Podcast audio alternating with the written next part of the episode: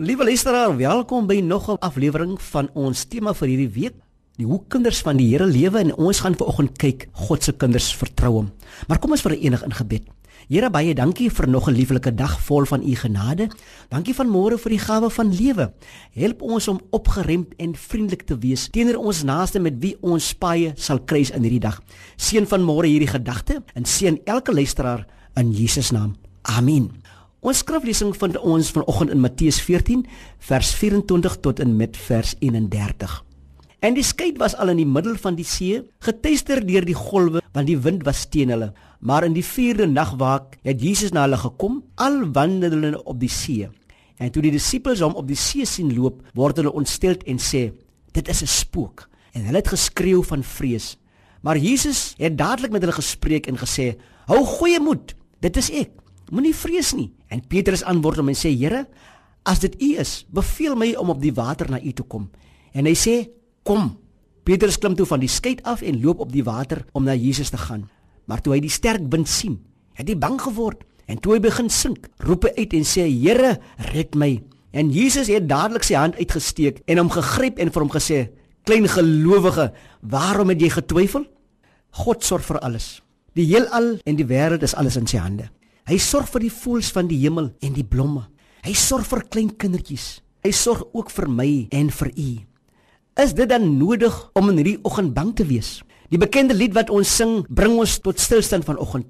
God sorg vir die mossies. God sorg vir die diere. My God sal sorg vir jou. Ja, ek kry 'n glimlag in my hart. God sorg vir die mossies. God sorg vir die diere, my God sal ook sorg vir jou. Ons hoef niks te vrees nie. Ons behoort God te vertrou. Hy het beloof om altyd vir ons te sorg. In ons voorgelese gedeelte leer die Bybel ons hoe dat Petrus iets wonderliks gedoen het terwyl hy Jesus vertrou het. En wat gebeur het toe hy opgehou het om Jesus te vertrou? Is dit nie wonderlik om te dink dat Petrus op die water kon loop solank hy Jesus vertrou het nie? Ons moet Jesus altyd vertrou. Petrus moes glad nie bang gewees het nie. Hy was besig om te doen wat Jesus gesê het hy moet doen. As ons doen wat Jesus sê ons moet doen, hoef ons nooit bang te wees nie. God het beloof dat hy vir ons sal sorg en hy's 'n God van sy belofte. Spreuke 29 vers 25. Hy wat op die Here vertrou, sal beskik word. Hoe meer ons God vertrou, hoe meer sal ons besef hoe betroubaar hy is. As ons alles sou verstaan, sou ons ook dink dat ons alles kan beheer. Maar daar kom 'n punt waar net vertroue in God ons kan deurdra.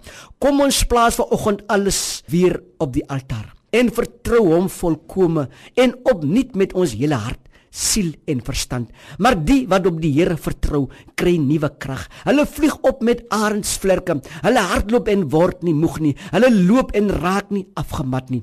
Dalk voel u eensaam en alleen in hierdie oggend. U voel dalk verlore. U is nie eens meer lus om te lag nie. Leen maar op Jesus. Vertrou hom volkome want hy beloof splinter nuwe krag. Kom ons verenig in gebed. Ewige God wat die Vader van alle lewe is. Ons weet nie wat vandag oor ons sal kom of wat met ons sal gebeur nie, maar wat die dag ook vir ons mag bring. U sal ons gids wees om ons te versterk om ons te troos en om ons te lei. U beloof ons nuwe krag as ons volkome op U vertrou. Dankie vir hierdie wonderlike en soveel ander beloftes in die mooi en pragtige naam van koning Jesus. Amen.